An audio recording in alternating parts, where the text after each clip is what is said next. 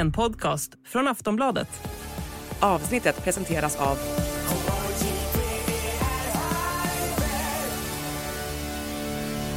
Stödlinjen.se, åldersgräns 18 år.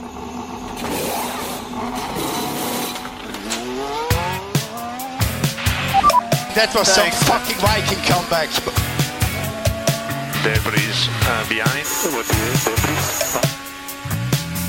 There's something strange with the engine. I need a new pen after that.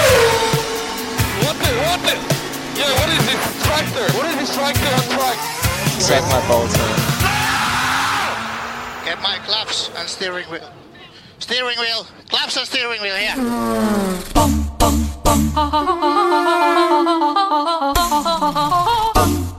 Det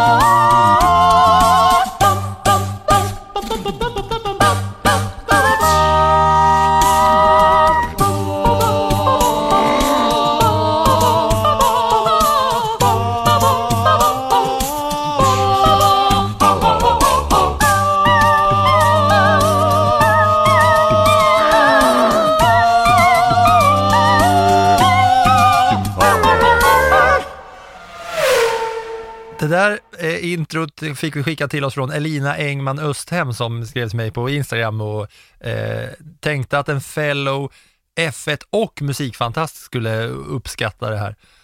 Ett fint a cappella-intro sjungandes av eh, ett, ett skönt gäng. Anna? Blev, blev du peppad? Jag, är, jag känner mig nästan helt mållös. Jag kan inte sluta stirra på den här killen som står längst bak till höger. Han har en turkos slips. Eh, han är lite mer voluminös än övriga. Och en hår... En fri- frisyr som ser ut som att ha fastnat i dammsugarslangen. Och så står han liksom konstant och, vip, och, och spelar lufttrumma med händerna. Och med, mun, och med munnen, det är där du hör det.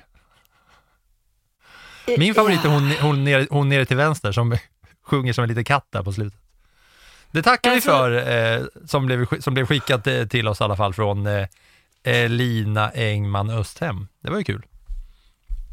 Och den Ja, summerar verkligen. säsongen eh, på, på, nå, på något slags sätt med oss här, för vi vill ändå ha F1-introt när vi rull, rullar ut ur säsongen. Man vet ju att eh, bästa versionen är alltid mariachi-versionen, men den här är ändå, den är ändå med. Men det är väl den, alltid den lite tar kul att med ta oss med i, i nya grejer in i framtiden, va? Och du gillar ju Japan. ska dock, vi ska dock vara försiktiga med våran eh, gissning av eh, asiatiskt ursprung på det här gänget. Då de skulle kunna vara eh, från vart som helst och eh, sådär. Vi ska nog tippa på tå här. Det skulle vara rent eh, musikaliskt, det skulle kunna vara koreaner också, men det där låter vi vara, va? Vi ska, vi ska passa oss här.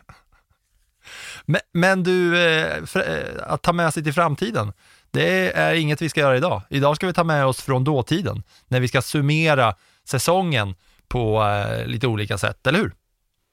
Ja, men det ska vi göra. Men vi får börja med att ta med oss Logan Sargent in i 2024. För den kom ju här i fredags var det väl? Att eh, Williams eh, hade gjort klart med Sargent för en säsong till. Kände du att du liksom hoppade på den eller? Jubla? Jag kände, jag kände att jag tycker det var så sjukt att de hoppade och var så himla liksom, extremt taggade för den här killen som plockade en poäng och inte gjorde mycket glädjande väsen av sig. Så jag tänkte, jaha, de är aspeppade på det här samarbetet och tycker att han har varit helt otroligt bra, att han har varit remarkable, Logan Sargent, som nu också då är klar för 2024. Så jag kände väl, äh, det var väl lite tråkigt att man inte kunde få in något nytt blod överhuvudtaget.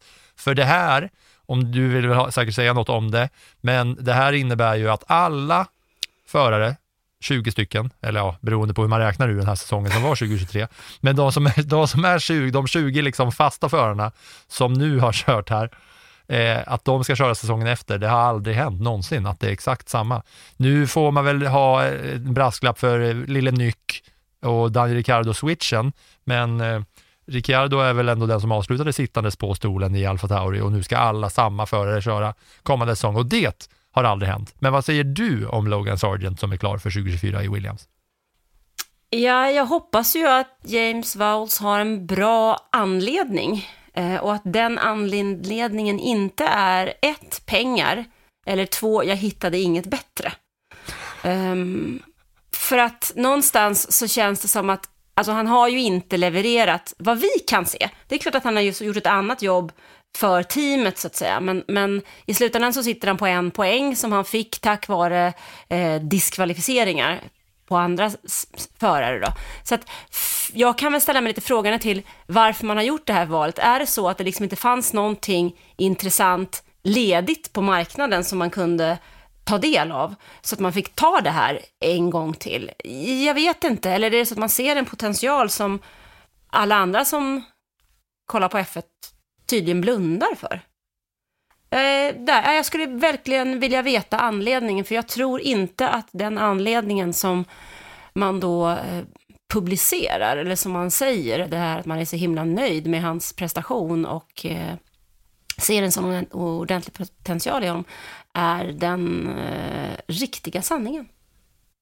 Nej, och jag tyckte också det var lite så här, det kändes som när han, när han gjorde sitt, när han gick i mål i Abu Dhabi och man hör Vowles på radion som bara du har varit exceptionell i år, vilka framsteg du har gjort. Du har varit en så bra impact och bra hjälp för hela teamet. Nu blickar vi framåt, tack för allt. Det kändes som väldiga överord för en poäng ändå, tycker jag.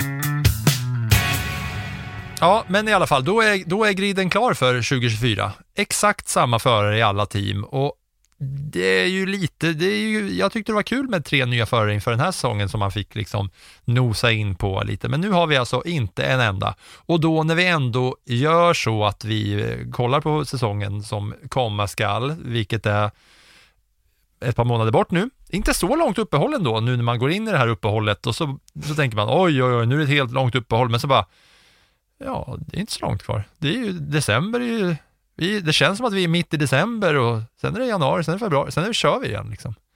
Jag tycker inte det är alltså, långt det... alls. Nej men det är det ju inte. Det var ju när, när de körde i mål så var det väl typ 95 dagar. Det är mindre än 90 dagar kvar nu. Uh, så att det kommer att gå undan och det finns jobb att göra. Men när vi pratar om det här med griden nästa år så tycker jag det, det som är intressant är ju hur många kontrakt det är som faktiskt går ut 2024.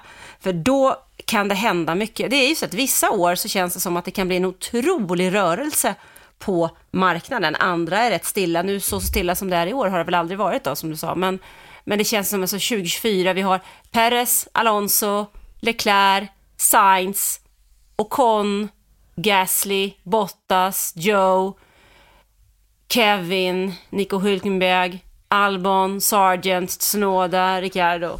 Hallå, det är typ hela griden. Jag garvar fortfarande, du har gjort det så många gånger. Jag garvar alltid när det kommer till ett perfekt tyskt uttal på Hulkenberg, men alla andra är liksom vanligt valfritt uttal, men Hulken får det perfekta uttalet. Ja, jag, ja. Låt mig skratta åt det för evigt, jag ska alltid göra det. Men ja, det är ju så. Jäklar, eh, men du som har varit med eh, alltid då, i och med att det aldrig har hänt att samma gäng kör två år i rad, men tittar man nu på kontrakten, är det vanligt att det är så här många kontrakt som ska gå ut i slutet av en säsong? Att det är så många liksom aktiva kontrakt som, som, eh, som, som tar slut samtidigt? Liksom? Alltså det är ju inte ovanligt. Ofta så är det så att kontraktslängderna är ju inte helt bestämda, utan det finns ju ett antal paragrafer och klausuler i de här kontrakten, att de ska sägas upp för ett visst datum och, och så vidare.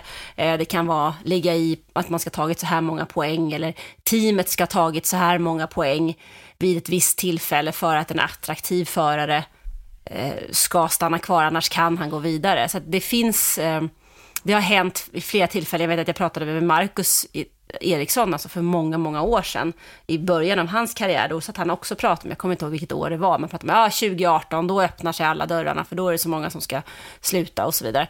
Så att, eh, ja, det har hänt. Det är inget ovanligt eh, att det finns många kontrakt. Vad som däremot är lite intressant, det är ju ett, att en sån som Lance Stroll, han har ju liksom ett kontrakt som är förbundet med att pappa äger teamet. Och där tycker jag det känns lite mer intressant för att ta reda på hur ligger vi till med Aston Martin och framtiden för var, var tar Lance Strolls faderliga plikter vid och var slutar hans yrkesmässiga förpliktelser? Mm. När man tittar bara på de här eh, allas kontrakt som går ut 2024 så är det ju då några som eh, inte gör det och det är Verstappen som har 2028, båda Mercedes-förarna som går ut 2025.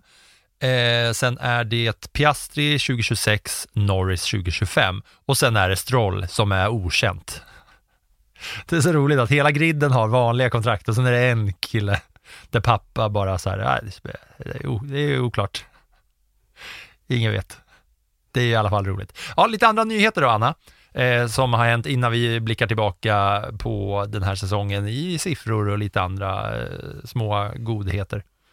Mm, men det finns ju ett datum som vi ska ha lite koll på här faktiskt. Och det är datumet är den 11 december. Så idag är det ju måndag när vi spelar in detta den fjärde, så om en vecka ska vi ha lite koll faktiskt. För att det är ju så här att Alfa Romeo, eller Sauber, som grunden heter, Alfa Romeo är ju en märkessponsor, de var ju då näst sist i år, sexa året innan. Och nu är det så att Audi äger 25 procent av aktierna i Sauber Motorsport. Och det har ju pratats om i år då att Audi eventuellt kan tänka sig att lämna. Och då undrar man lite grann, vad är det som ligger bakom det här och hur mår då Andreas Seidel som, som lämnade McLaren som teamchef och blev vd där och han värvade också James Key. Um, och det som det pratas om uh, Det är ju dels att Nico Hülkenberg kan vara aktuell som förare. Hans kontrakt går ut nästa år och efter 2024. Men Marcus Dusman, han var vdn som var själv så otroligt intresserad av Formel 1 och den som drev hela det här programmet framåt. Han fick sparken i juni och ersätter då av en, ersätts då av en man som heter Döllner, som inte alls är lika intresserad av motorsport. Och som läget är så ska Audi köpa ytterligare 75 procent av Sauber, men vi vet inte riktigt nu vad som händer, därför att den här nya Döllner då som kom in som VB, han hade tystnadsplikt under sina första 100 dagar som VD. Och de 100 dagarna slutar den 9 december och det är ju en lördag. Det är alltså nu på lördag den här veckan. Så att måndagen därefter så kan vi räkna med att vi får någon form av information, kommunikation från Audi. Och den är jag rätt spänd på att få se åt vilket håll det barkar. För att ryktena om att Audi kanske inte är så intresserade, de kom från Der Spiegel och Der Spiegel är ju en otroligt eh, välrenommerad och tung tidning i Tyskland. Då har jag några frågor här för att, för att jag ska förstå det här på rätt sätt. Audi äger alltså 25 procent av aktierna i Sauber, Sauber. eller Alfa Romeo? Sauber, eller hur? Sauber, för Alfa Romeo var ju egentligen bara en namnsponsor. Det var ju en märkessponsor för Sauber Motorsport som grunden är. Och, och då är det så att Audi, enligt det här eh, snacket och ryktet nu då, eh, inte inte vill äga de här 25 procenten av Sauber-aktierna längre. Eller, har jag förstått det rätt då? Ja, det är ju det som är frågan. Vart vill Audi? Man har förbundit sig till att köpa hela det här teamet då för att göra en satsning på Formel 1 och man har börjat att bygga en F1-motor. Men det är ju ganska dyrt. Eh, världen är just nu eh, inne och på väg in i en lågkonjunktur samt i en förändring från fossila bränslen till el. Eh, tycker man då som ny vd att det är värt att lägga alla de här miljonernas miljarder och enorma resurser på att kliva in i Formel 1? Om man nu inte är intresserad av det. Vilket jävla haveri till liksom i PR-värld då att med pompa och ståt kliva in på alla liksom klara och tydliga sätt. Vi ska in i Formel 1 och så skaffar man då en VD som inte gillar motorsport. Som då, Ja, ja, det, det, Det är konstigt men- här. Och då ska de liksom ångra allt och då blir det inga F1 av Audi överhuvudtaget. Kanske. Ja, vi vet, vi vet ju inte riktigt. Det, han har ju inte fått säga någonting på de första hundra dagarna, så vi vet ju inte. Därför väntar jag med lite spänning på vad som händer här nu då efter den 9 december. Vad kommunicerar de? Vad säger de? För de måste ju säga någonting. Men tänker du då att det kommer vara eh, så här, Audi kommer köra F1 eller Audi kommer inte köra F1? Vad förväntar du dig? Jag vet faktiskt inte. Jag tycker det är jättesvårt att veta, för att de har haft en så himla tydlig strategi mot F1 och jag kan förstå att man har haft den och gjort den här jättesatsningen och det vore ju ett enormt haveri, precis som du säger, och inte göra den då om man nu har redan har börjat investera så mycket pengar i motorfabrik, i personal och i allting som är runt omkring. För det där, alltså bygga en ny motor, det är ju ingenting som man gör på en kafferast direkt. Det tar ju en liten stund, det tar ett par år. Och ska man bara kasta bort det då? Är det värt det? Det är ju frågan. Men är det värt att gå in med ännu mer pengar i något projekt som man inte tror på? Det är jättesvårt. Oj, oj, oj.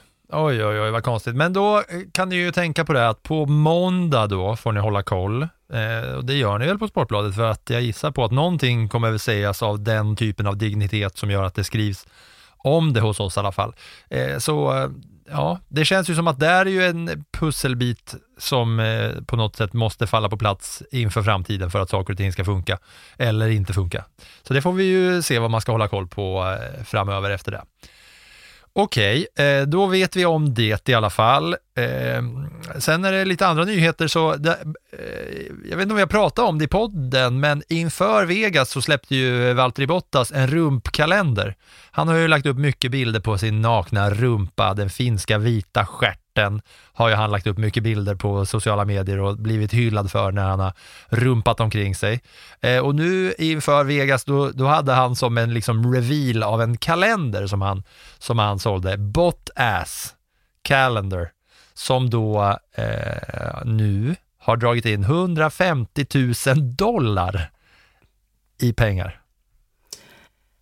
Alltså det är ju fantastiskt hur en vit rumpa i alla dess former och med den ena bilden töntigare än den andra kan dra in så mycket pengar. Mm. Man, Ja, Nej. det är olika, olika månader, olika bilder på eh, Bottas eh, vita finska stjärt där och jag tror väl det är väl att de här pengarna ska gå till manlig hälsa på något sätt och välgörenhet på något sätt, tror jag. Jag vet inte exakt vilket, men det är ju, det är ju som en fundraiser, liksom hela den grejen. Allt ska gå till välgörenhet. Och det är alltså 150 000 dollar på, på rumpan. Eh, Man får ju tycka vad man vill om eh, att sälja nakenhet och sådär, särskilt 2023, men eh, att Bottas gör det på det här sättet, det är, ju- det är, det är bra ändå. Med pengarna som går till välgörande ändamål. Ändamål. ja, som jag för, ja, precis. Som jag har fattat det så ska det gå till eh, kampen mot prostatacancer och forskningen Ja, kring prostatacancer. Och det är väl bra, ett bra ändamål för just den typen av eh, ändalykt. Mm, vi säger att det är mycket bra och fint av Bottas och alla då som har betalat pengar eh, till den här rumpkalendern. Kan ändå kul att ha på kylen.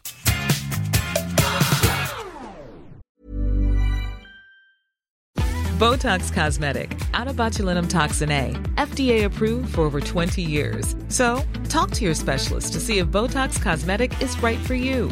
For full prescribing information, including boxed warning, visit BotoxCosmetic.com or call 877-351-0300. Remember to ask for Botox Cosmetic by name. To see for yourself and learn more, visit BotoxCosmetic.com. That's BotoxCosmetic.com.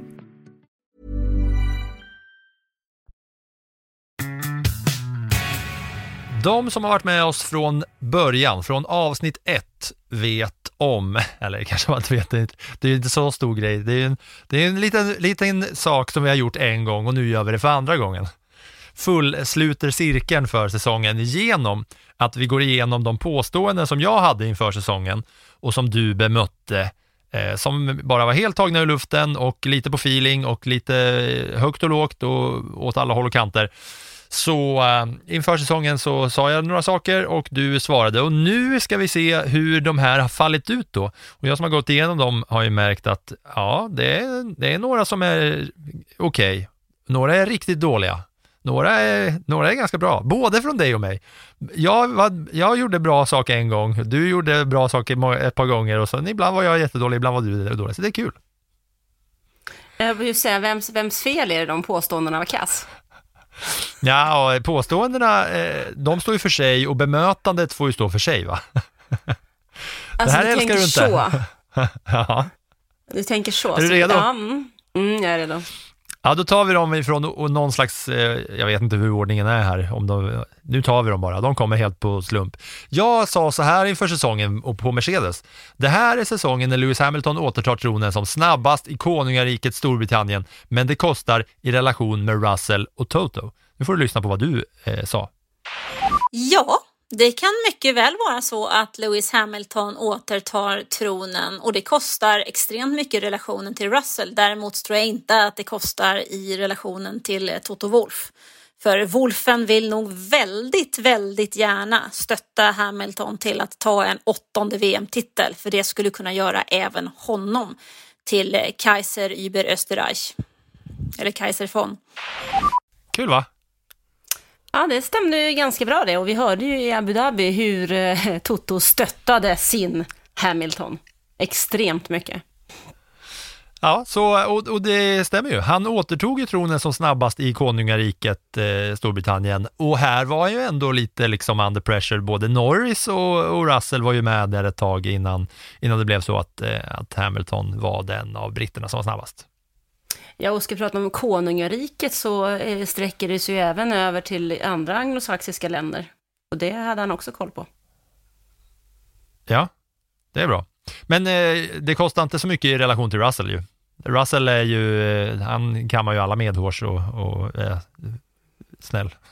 Jag tror, jag tror inte att vi vet vad det kostade och inte kostade, för jag kan nog tänka mig att Russell har en image utåt och en helt annan inåt. Mm.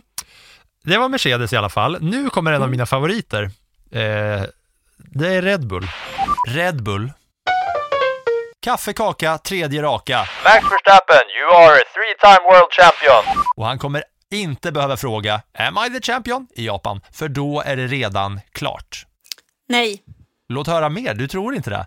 jag tror att den här säsongen kommer att bli betydligt jämnare.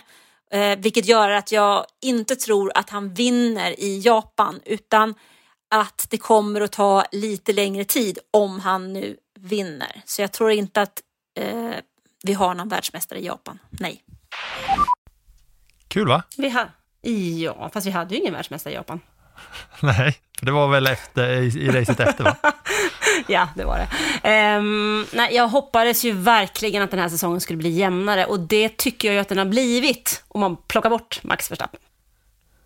Ja, och så är det. Men jag, jag, jag lyssnade ju vidare lite till därför jag tyckte det var kul att höra bara hur snett man var på saker och ting. Så jag lyssnade lite på vad jag sa och vad du sa. Och det, man kände inför säsongen att du var jättehoppfull för en jämn och fin säsong här. Och det backar jag dig för, alltså det fattar jag att man var, särskilt nu med säsongen med facit i hand. Men eh, gissningen var ju att det var klart för att Max Verstappen hur lätt som helst skulle vara mästerskapsvinnare. Och bara när man kollar då på att han vann typ alla race så var det ändå inte matematiskt klart i Japan, även fast man skulle nästan kunna säga Max, you're world, type, world champion i typ Österrike eller Silverstone som var tidigt på säsongen. Men Visst hade jag väl fel på ett sätt då, att han inte behövde fråga i Japan, men för att det blev klart i racet efter. Men den var lite rolig den där tycker jag, eller hur? Ja, men det var det. Men jag tyckte, jag, jag kände mig väldigt pepp inför säsongen på att vi skulle få en, en bra och tight säsong. Men på något sätt så blev man bestulen på det redan i premiären när det inte funkar för Charles Leclerc och han dessutom får en bestraffning med sig till nästa helg. Jag tror att redan där så kändes det som att Ferrari gick snett och även Mercedes hade man ju förhoppningar på att de skulle efter segern i Brasilien i fjol eh, kunna jobba bra under en vinter och vara med. Men på något sätt så drogs, ja, det kändes lite grann som att rullgardinen drogs ner. Man fick köra konstgjord andning och var extremt lycklig över Fernando Alonso. Mm. Och Ferrari sa jag så här om, två viktiga saker. Förbannelsen bryts i Monaco när Charles Leclerc tar pole, vinner racet och sätter snabbaste varv. Och man gör succé på Monza med seger även där. Säsongen är räddad, det blir inte bättre än så här. Jag hade väldigt fel. Se om du hade fel då. Den där förbannelsen tror jag definitivt bryts i år. Det hade den gjort redan i fjol om de inte hade klantat till sig sådant i Monaco. Så att eh, jag tror nog att alltså Ferrari måste lösa sina interna problem i år.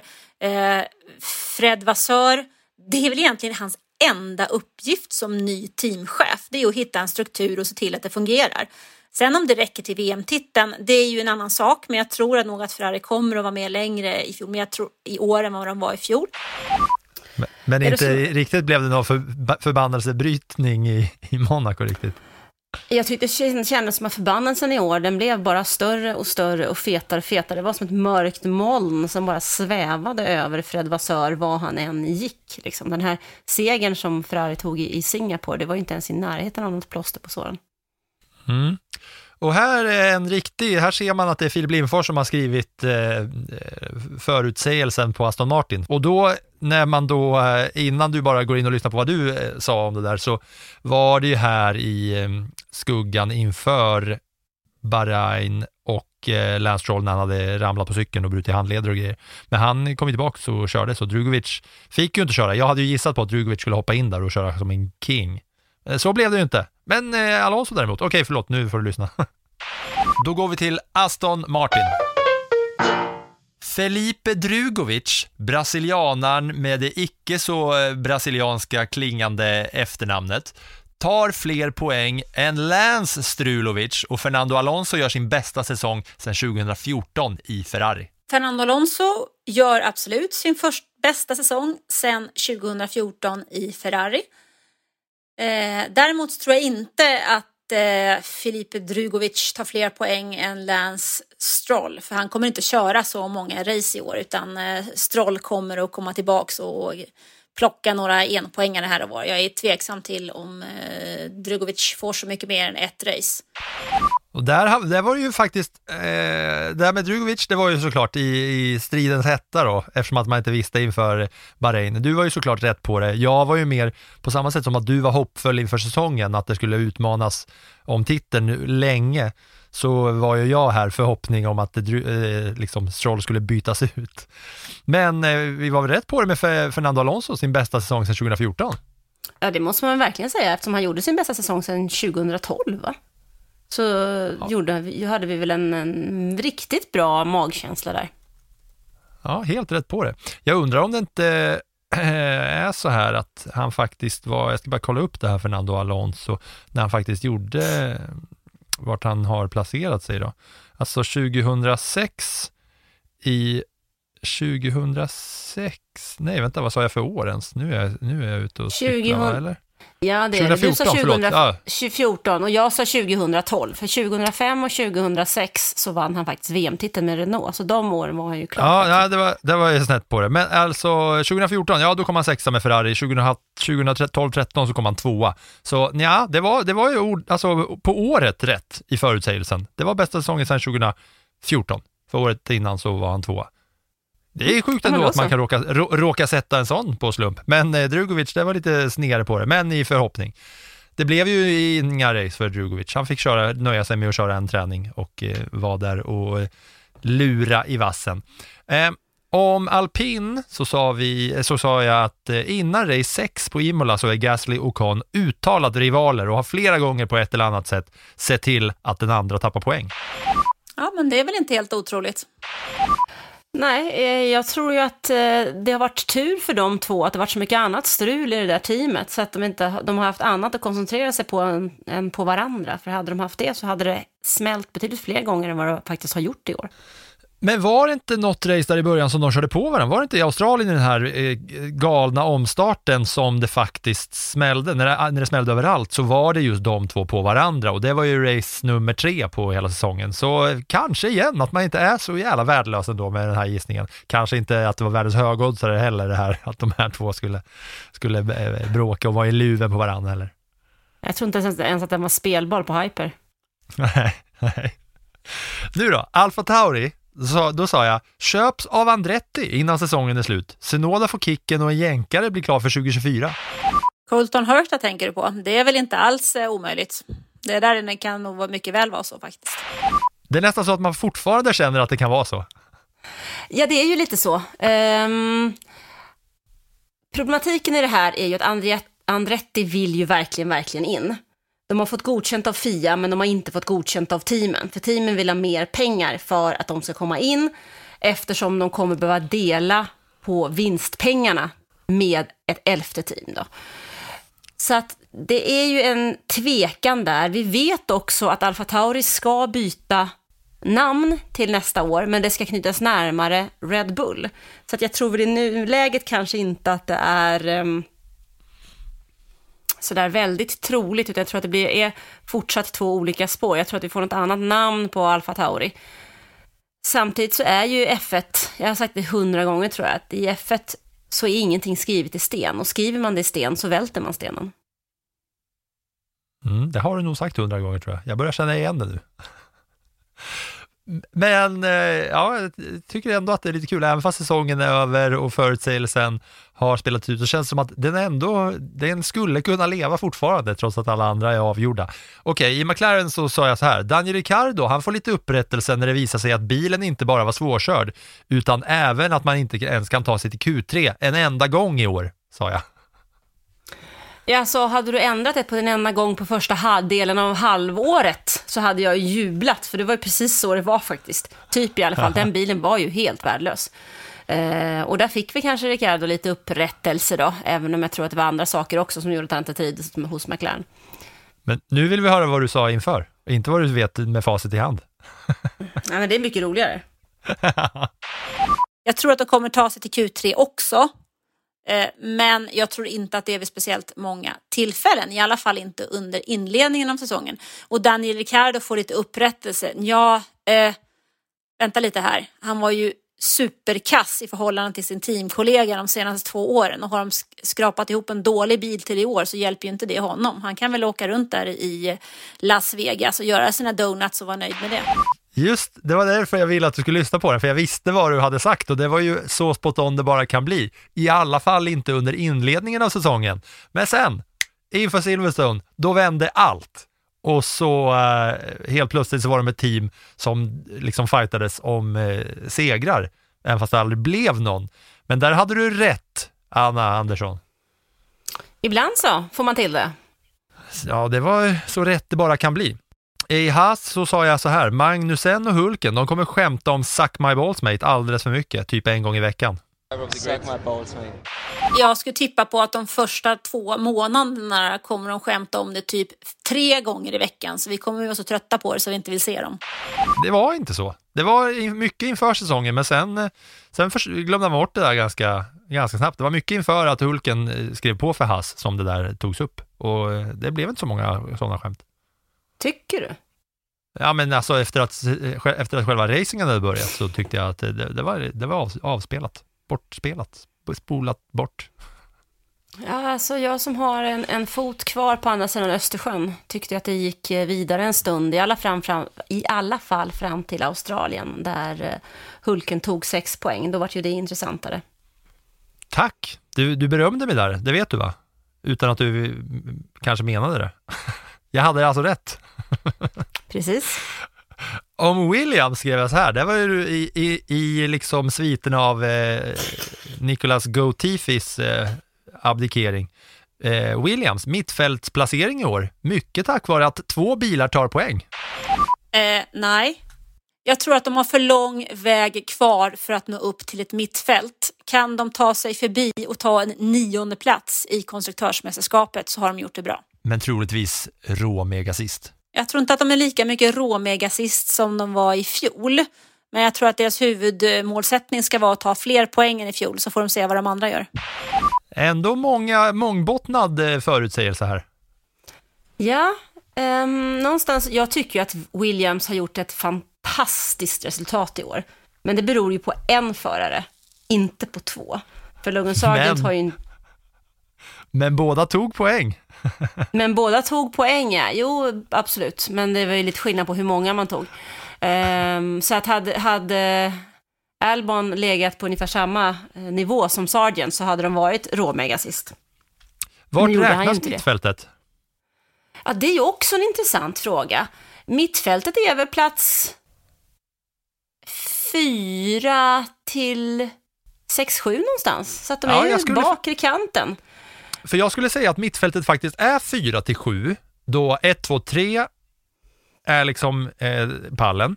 Och sen om man då tar 4, 5, 6, 7 så är det de fyra i mitten, för sen kommer det tre stycken till 8, 9, 10. Så tre före, tre i toppen, tre i botten och sen är ju mittfältet då 4, 5, 6, 7.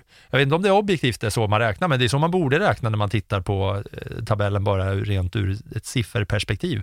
Och då blir det ju en mittfältsplacering. Så om det är någonstans jag ändå ska liksom argumentera för att jag hade rätt så vill jag göra det här. Men inte tack vare att två bilar tog poäng. Sargent bidrog ju dock. Och sist ut så skrev, sa jag så här om Alfa Romeo. Trots spekulationer om att båda förarna kan försvinna när säsongen är slut, så förlänger båda förarna på grund av att bilarna gör en bra start på säsongen och att det är jämnt mellan de båda i mästerskapet. Mm, mm, mm, mm, mm. mm. Då ska vi lyssna. Nej, det tror jag inte. Vad händer när Audi kliver in och får allt mer makt i teamet och får en helt annan, annat framtidstänk kring vad man vill. Vad är det då man vill ha? Jag tror faktiskt inte man behöver de här kinesiska investerarna lika mycket som man behöver Bottas kunskaper. Där eh, var det ju då så att vi hade ett vd-byte hos Audi som vi precis pratade om. och det hände lite andra grejer.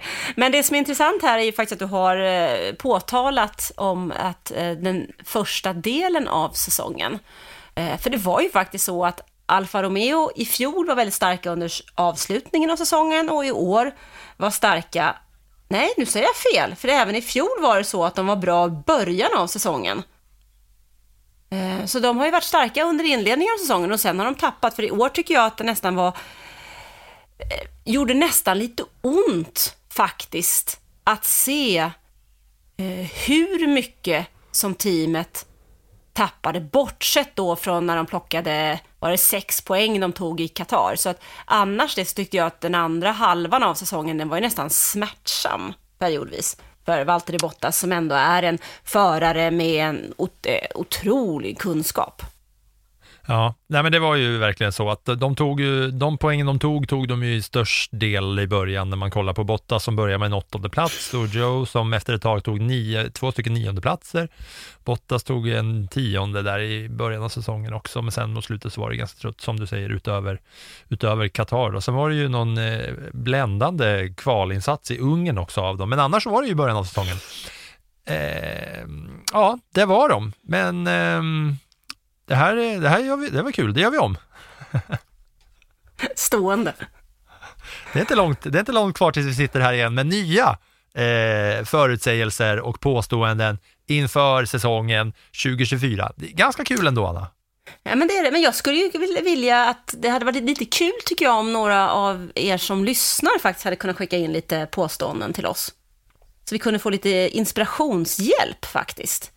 Eh, Det går bra att lägga på bloggen eller också helt enkelt dra iväg ett mejl till mig eller Filip. Eh, Ja. Och det kan, tycker jag att ni ska göra typ i februari och inte nu kanske. Då kan man ta med lite best off, eh, att det kommer lite olika roliga. Det kan ju vara ett eh, något påstående man bara är ett team. Det måste ju inte vara alla. Man kan ju ha något roligt här som man tycker är eh, lite spetsigt. Det kan ju vara kul. Då har man ju det med sig eh, hela vägen in också. Nu eh, tar vi och summerar säsongen lite mer faktabaserat än de här eh, liksom tagna ur luften påståendena. Hej, jag Ryan Reynolds. På Mint Mobile, we like to do the opposite of what Big Wireless does. They charge you a lot, we charge you a little. So naturally, when they announced they'd be raising their prices due to inflation, we decided to deflate our prices due to not hating you. That's right. We're cutting the price of Mint Unlimited from $30 a month to just $15 a month. Give it a try at mintmobile.com slash switch. $45 upfront for three months plus taxes and fees. Promo rate for new customers for limited time. Unlimited more than 40 gigabytes per month. Slows. Full terms at mintmobile.com.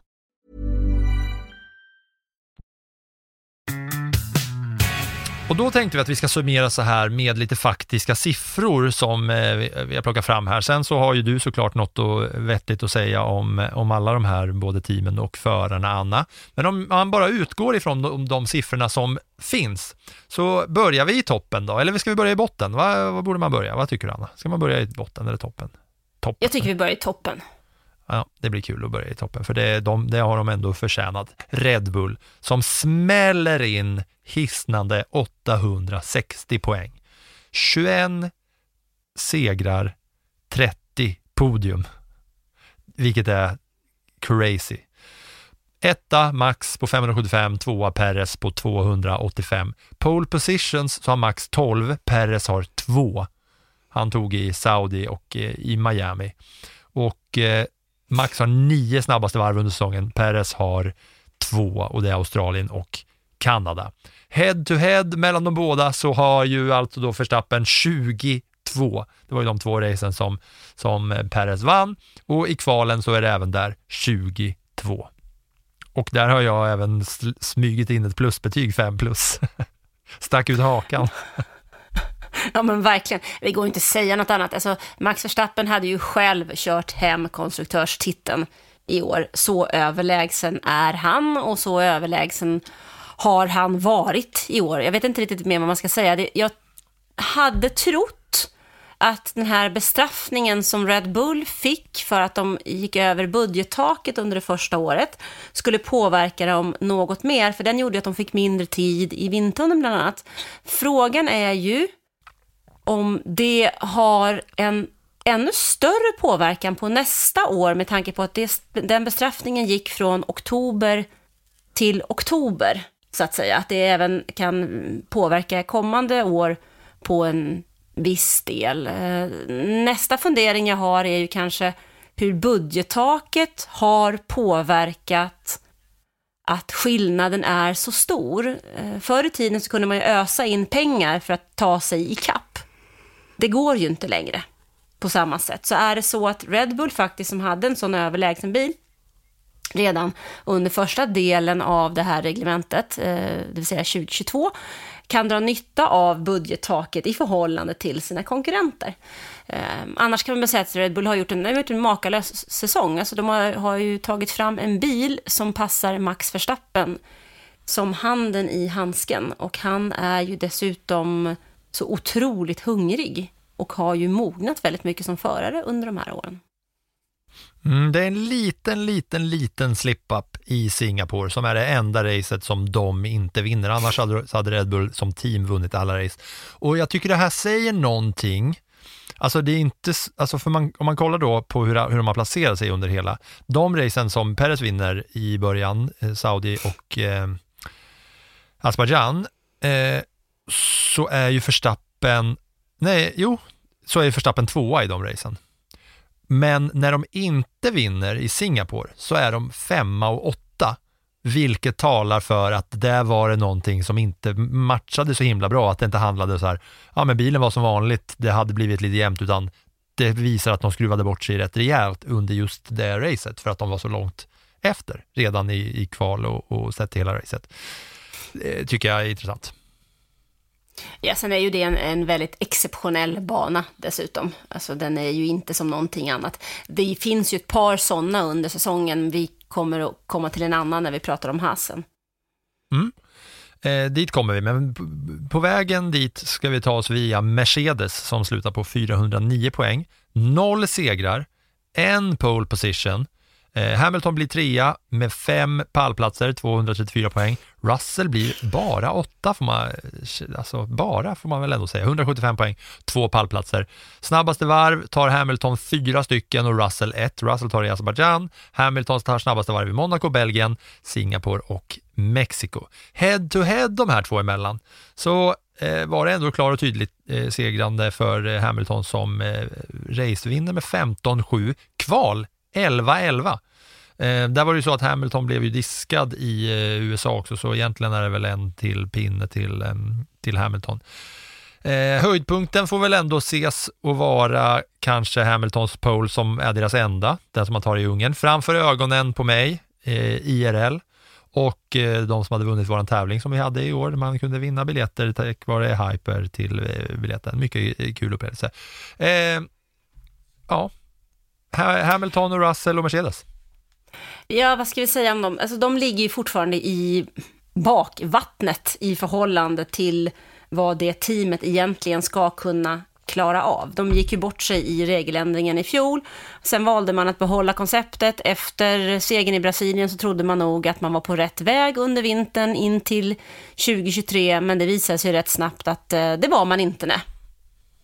Så att de har ju verkligen kämpat med den här bilen och man har verkligen fått se hur en sån förare som Lewis Hamilton har fått kämpa för att den där bilen ska leverera. Samtidigt så måste jag ändå säga att jag tycker att han har gjort ett oerhört bra jobb i förhållande även till George Russell som faktiskt har fått kämpa. Alltså det har inte alls varit enkelt för honom i år.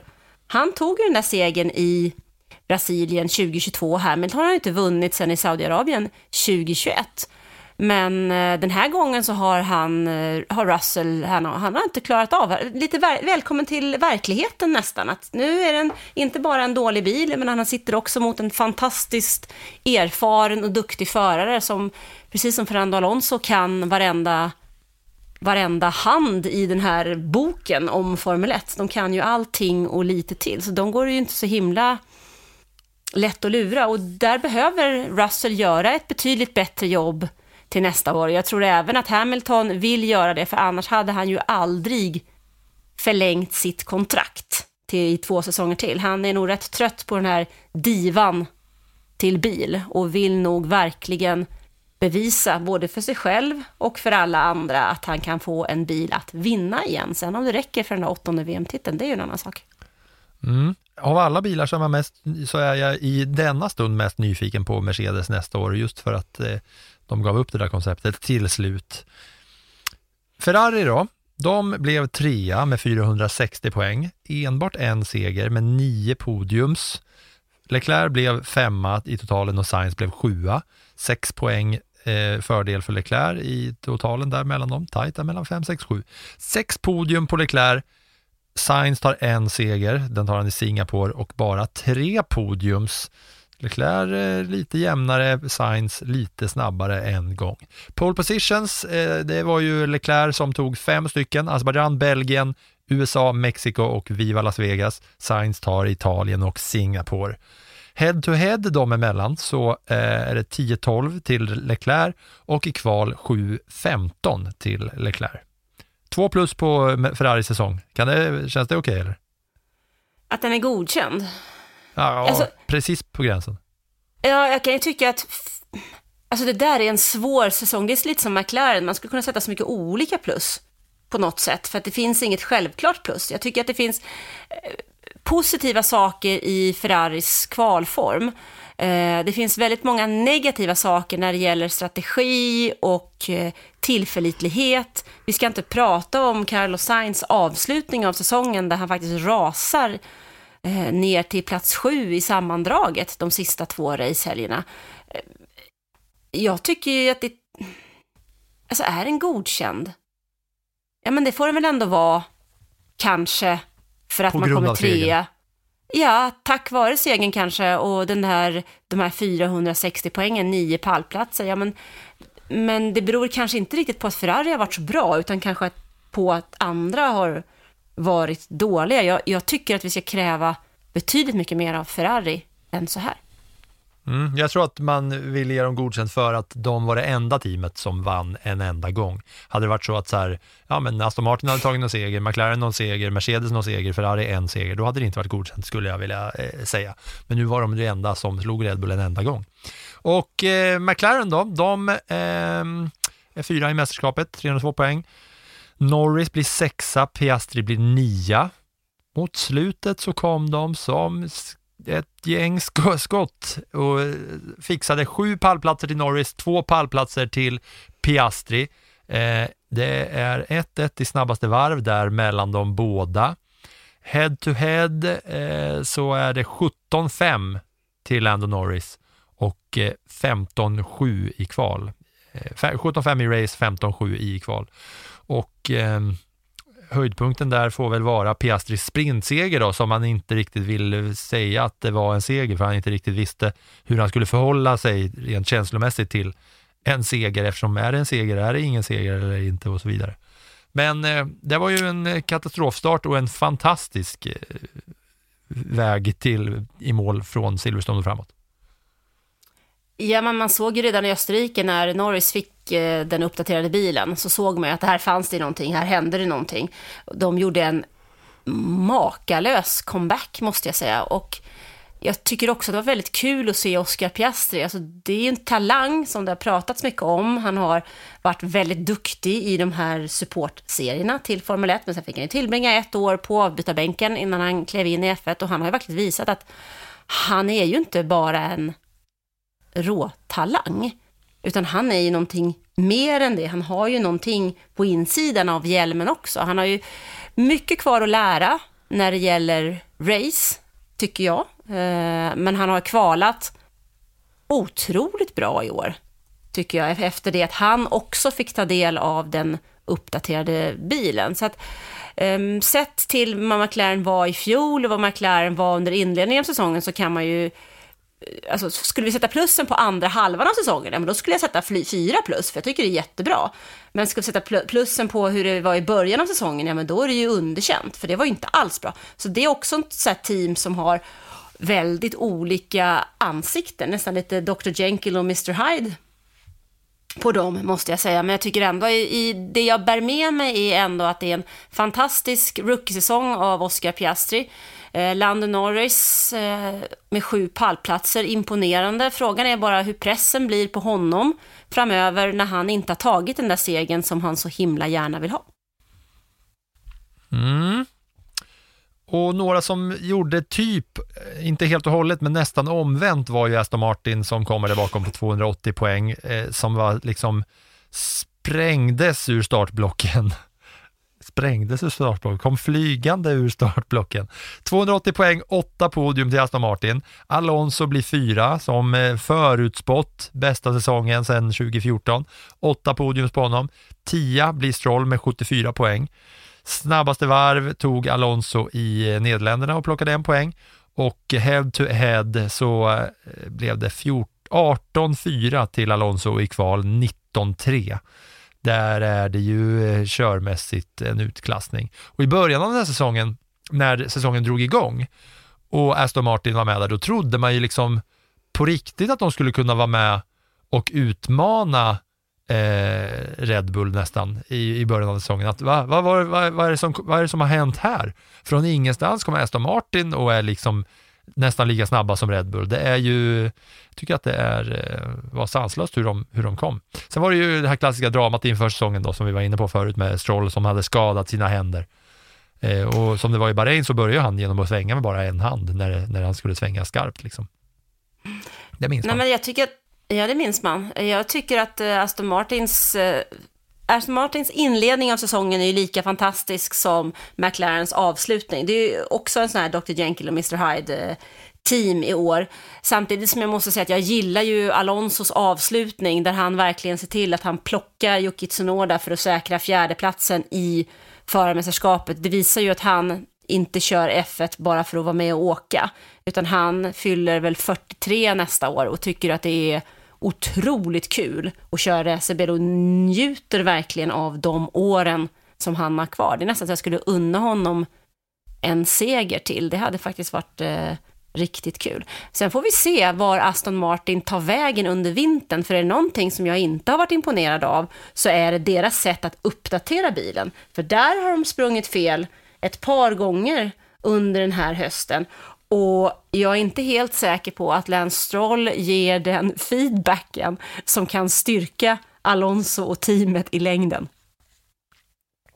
Nej, en annan liksom, så här lite följetong där i början var ju alla Alonsos påklistrade lovord om Stroll. När han liksom var så himla överdrivet positiv eh, till det där. Sen kommer man också ihåg eh, Strolls eh, krasch i Singapore också, när man trodde att han inte skulle komma till start också. Eller ja, det gjorde han ju inte, men de, det var ju så sent så de hade ju bara en bil som körde i Singapore efter att han kraschade så himla rejält där. Eh, Alonso hade alltså sex podium på de åtta första racen. Det är ju en rejäl start. Sen Ja, tog han två till, han- eh, Holland och Brasilien. Ja, men hans, hans inledning av säsongen var ju fantastiskt bra. Eh, fantastiskt bra. Det, något annat kan vi ju inte säga. Sen det, det som är, det är ju med det där teamet att grunden i det där teamet är ju bra. Sen är ju, det var de ju även under Racing Points tid i Formel 1 så kunde de ju köra till sig en fjärdeplats i konstruktörsmästerskapet. Eh, Sergio Perez vann ju race för det där teamet. Så att grunden, det finns ju väldigt mycket kompetent personal och de har satsat enorma pengar och värvat väldigt mycket folk från andra team och gör en stor satsning på infrastrukturen och logistiken och en ny vindtunnel i teamet. Va? Så det finns ju, som det ser ut i alla fall, en stor förhoppning inför framtiden. Sen gäller det ju bara att de slår rätt. Det är inte så himla lätt att ta sig upp till plats eh, två, tre i ett eh, världsmästerskap när man konkurrerar med team som Red Bull, Mercedes och Ferrari. Nej. Och McLaren. En lite, en lite mindre överlägsen Red Bull hade ju gjort att eh, Alonso hade kunnat vinna ett race, eh, skulle man ju kunna gissa sig till. Alpin då, som är eh, också in the middle of things med 120 poäng, de tar två pallplatser. Gasly landar på 62 poäng och Con eh, 12 på 58 poäng. Här var det ju jämnt mellan de båda. Ehm, eh, det kan man ju minst säga, som blev 11-11 i race och eh, 8-14 till fördel för Gasly i kvalen. Båda DNFade i Ungern. Um, ja, och Con i Monaco var ju pallplats där, det var ju stort för honom och sen Gasly tog ju en eh, pallplats i eh, Nederländerna som var lite, lite slumpartad också. Klämde han in där mellan att ha varit 11 racet innan och 15 racet efter. Och Con var ändå så här, han var 9 innan sin pallplats och 8 efter sin pallplats i eh, Monaco där och de gatorna kan han väl. Um, ja, alpin. Alpin, alltså jag tycker det är ett väldigt svårt team i år. Det känns som att det har varit liksom en parentes, alltså mellanmjölk rakt igenom, där det har varit så otroligt mycket fokus på vad som händer runt omkring teamet. Alltså jag funderar på så här, höjdpunkt i år. Ja, det kanske är att de har fått in så mycket nya pengar med de här nya investerarna med skådespelare och idrottsmän och alltihopa. Det kanske är det. För att det är ändå ett team som sparkade flera tunga medarbetare precis inför sommaruppehållet. Det är ett team som sparkade Allan Prost som rådgivare inför säsongen och tog in Zinedine Zidane. Det känns inte riktigt som att det finns någon sån här tydlig struktur här, eh, utan allting känns lite, lite obalans fram och tillbaks. Kan man säga så? Ja, och att just att det är så himla jämnt mellan de båda också eh, tycker jag ändå gör någonting eh, med det där. Ehm, men att det händer den här Safnauer-gate eh, mitt i alltihopa, ja det är lite så här vart, vart ska de ta vägen eh, nästa år med de här båda eh, fransmännen? Mhm. Williams då, de blev eh, sjua med 28 poäng tack vare en poäng av Logan Sargent. Och Logan Sargent han blev ju 21 i ett mästerskap med 20 förare tack vare att han tog en poäng där. Bara Nyck de Vries som var sämre eh, rent eh, poängmässigt. Albon blev ju på 13 plats med 27 poäng, vilket är otroligt med det där, eh, med det där materialet. 19-3 i race till Albon. Eh, och då när Sargent spöade Albon så var det väl DNF på Albon skulle jag gissa. Eh, I kvalen så var det 22-0. Albon den enda som nollade sin teamkollega. Ehm, och vändningen den här säsongen var ju när jag hade mitt utspel om deras totala inkompetens med golvet. Det platta golvet. Efter det, det var ju då det började hända grejer i Williams. Kommer du ihåg det? När jag, när jag var helt förbluffad över hur, hur, hur kan man ha ett så platt golv? Och sen visade det där platta golvet att det var det bästa golvet. Då kör de hur bra som helst. De har sin bästa placering sedan 2017, Williams som team. Mycket tack vare James Vowles och eh, Alex Albon tillsammans. Ja, alltså Alex Albon, det, jag tycker det var otroligt kul att följa honom. Eh, från att ha varit helt nedbruten av eh, Helmut Marcos ledarstil i Red Bull och Max Verstappen. Alltså det fanns ju ingenting kvar. Han var ju som en svettdroppe i stort sett när han lämnade F1 med svansen mellan benen och gick vidare till att köra DTM. Och så fick han chansen att komma tillbaks till Williams och har väl upplevt en helt annan tid i F1 egentligen, blivit ledare i det teamet och kört upp dem till plats sju egentligen själv, för att hans 27 poäng hade ju räckt för att ta den Mm. placeringen. Så att, alltså, nej, jag är faktiskt mäkta imponerad över vad Alexander Albon har lyckats med i år, faktiskt. Det är jag verkligen Eh, också. Logan Sargent, ja, alltså jag tyckte jag sa det mesta in, tidigare idag, jag orkar inte upprepa det inte.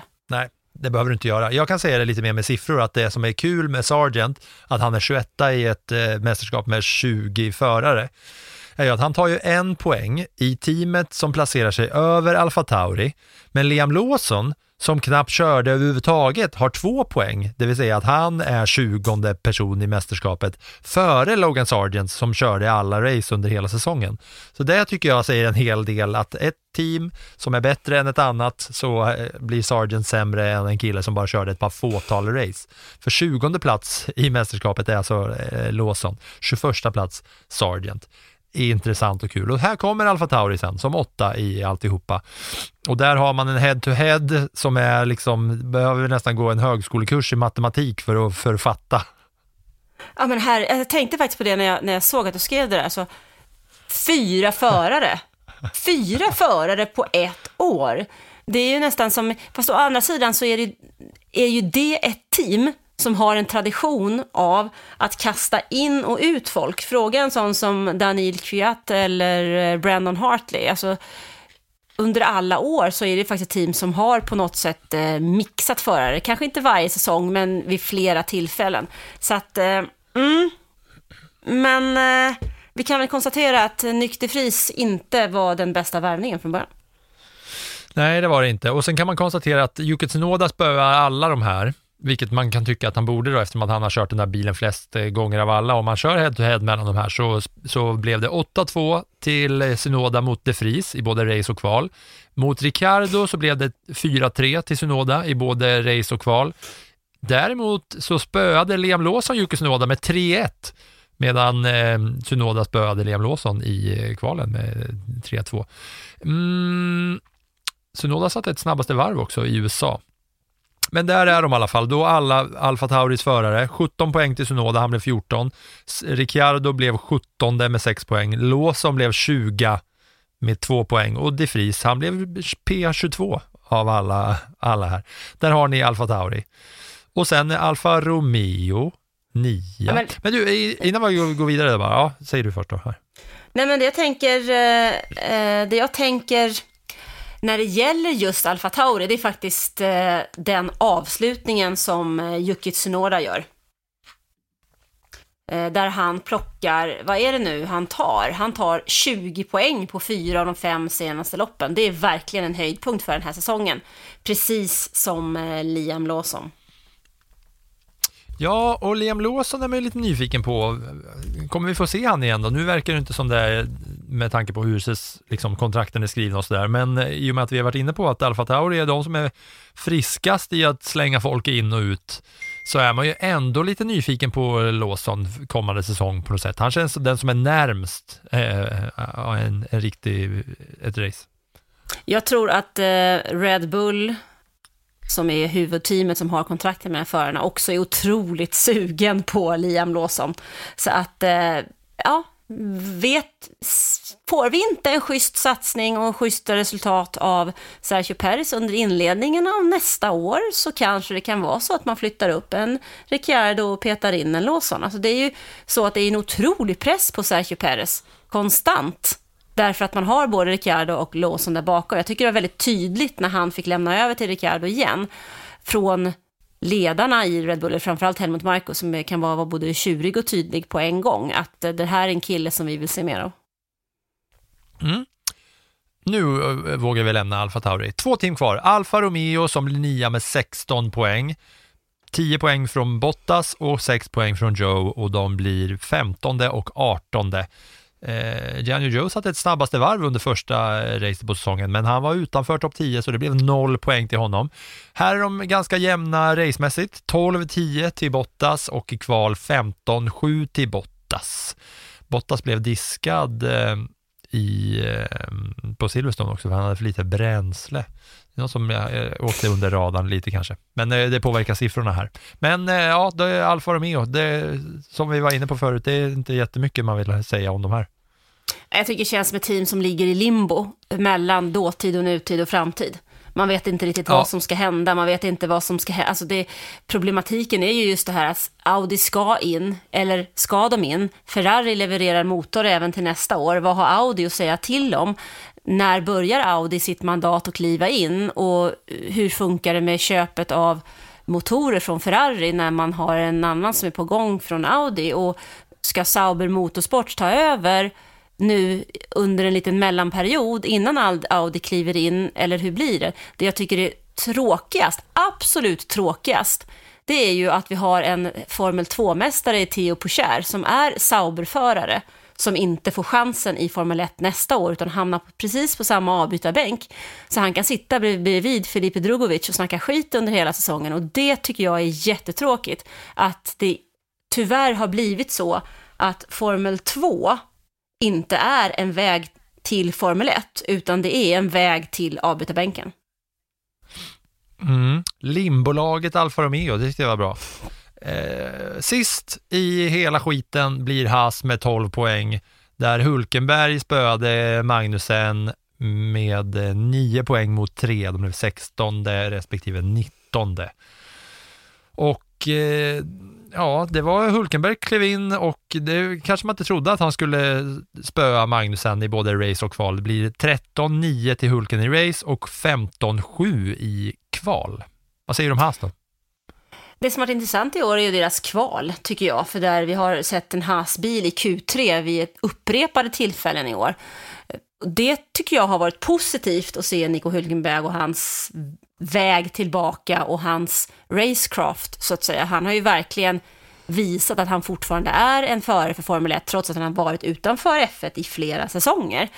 Ehm, noterbart är ju också att han tog sex poäng i Australien på en bana som inte liknar någon annan. Och det är ofta så att Australien så tar förare poäng som inte gör det någon annanstans, i stort sett. Där plockar han alltså hälften av alla Haas poäng.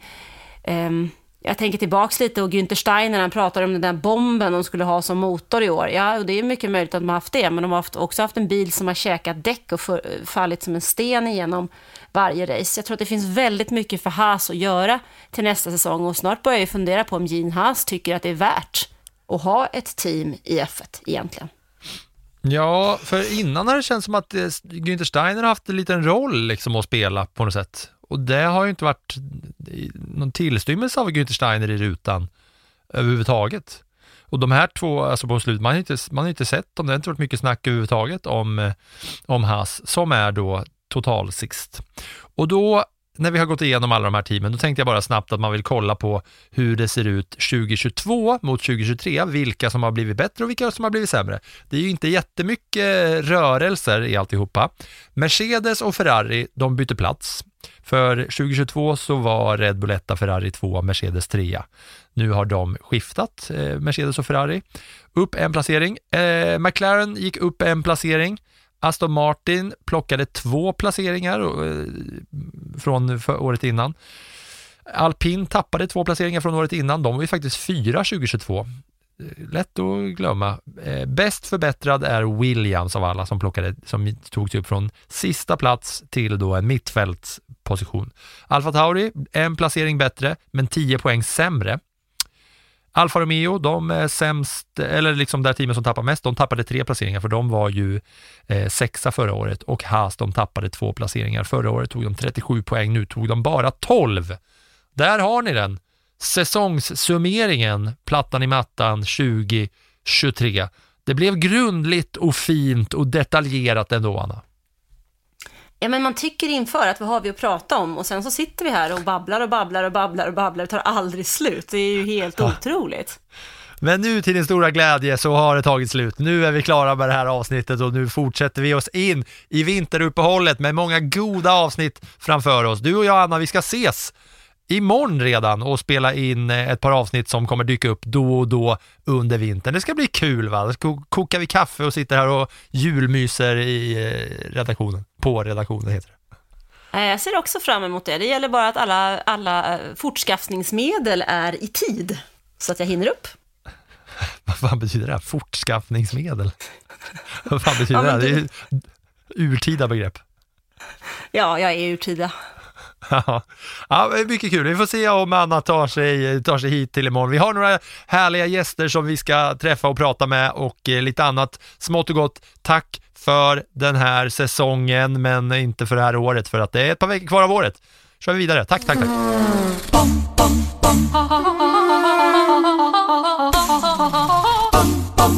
Mm.